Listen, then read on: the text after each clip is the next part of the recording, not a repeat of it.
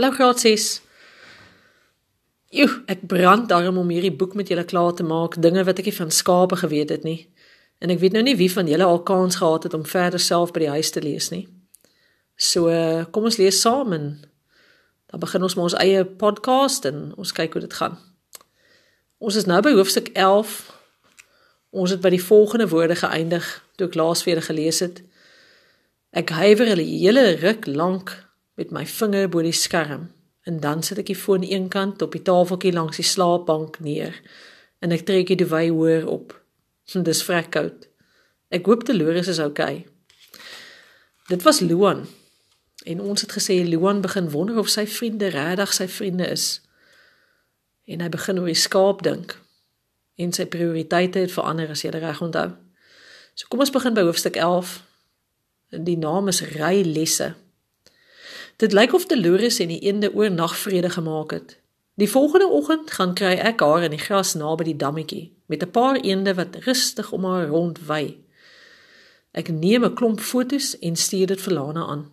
En op die snaakste een knibbel een van die eende aan Dolores se wang. En dit lyk kompleet of hy voel haar soen gee.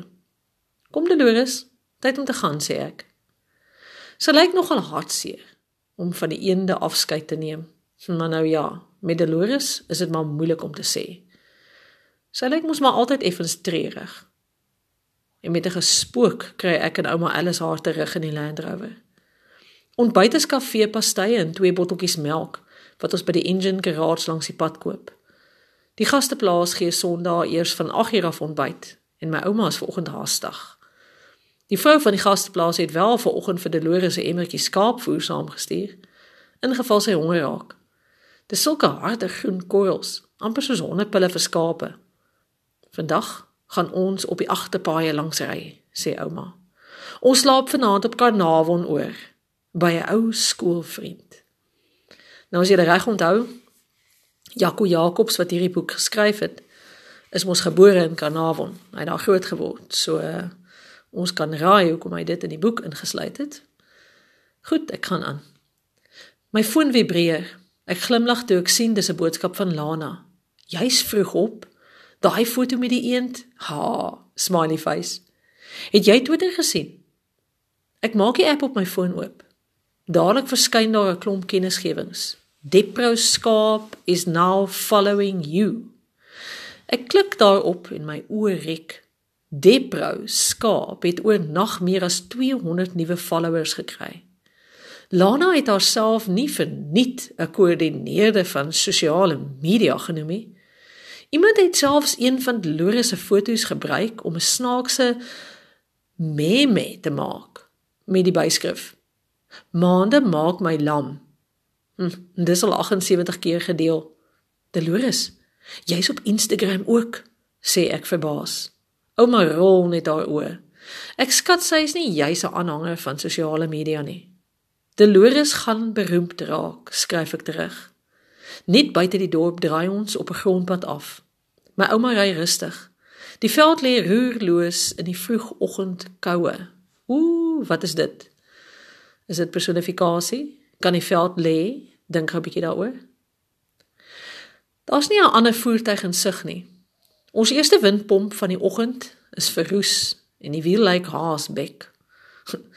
Want dit kort 'n paar lemme Terwyl my ouma foto's neem, gaan staan ek teen die Land Rover in die son om warm te word. My asem maak wolkies in die lug. Ek haal my selfoon uit my sak uit. Fantasties. Geen opvangs nie. Ek maak die Land Rover se agterdeur oop. Dolores lê rustig en herkou. Sy kyk skief kop na my asof sy wil vra: "So wat gaan ons vandag doen?"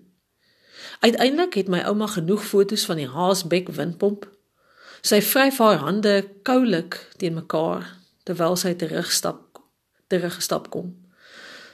My koninkryk vir 'n beker warm koffie, sê sy. Jy's 'n hopelose fotograaf assistent Luan Lou. Vir wat het jy nou nog nie 'n warm fles uitgekry nie? Ek haal die warm fles en die beker uit die mandjie op die agterste sitplek en gee dit vir haar aan. En toe sy klaar geskink het, vat sy so 'n groot sluk en maak haar oë dramaties toe. Ag, sterk koffie en vars karolig. Wat meer kan 'n mens vra? Selfoon syn, stel ek voor. Sy grin ek net. 'n Geel en swart voeltjie kom sit op die heininge langs die pad en kwetter opgewek. "Bok makkerie," sê my ouma en kyk na my. "Wat?" vra ek verbaas. Sy lyk verbaas.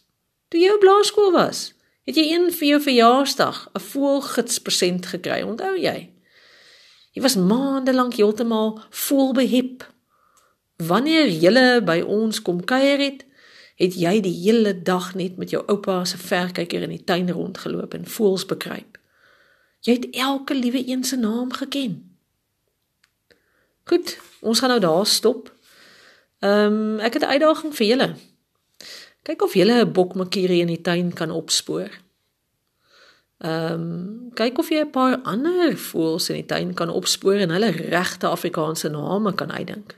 En dan kan ons miskien so 'n lekker aanlyn kompetisietjie. Maar dis net vir pret.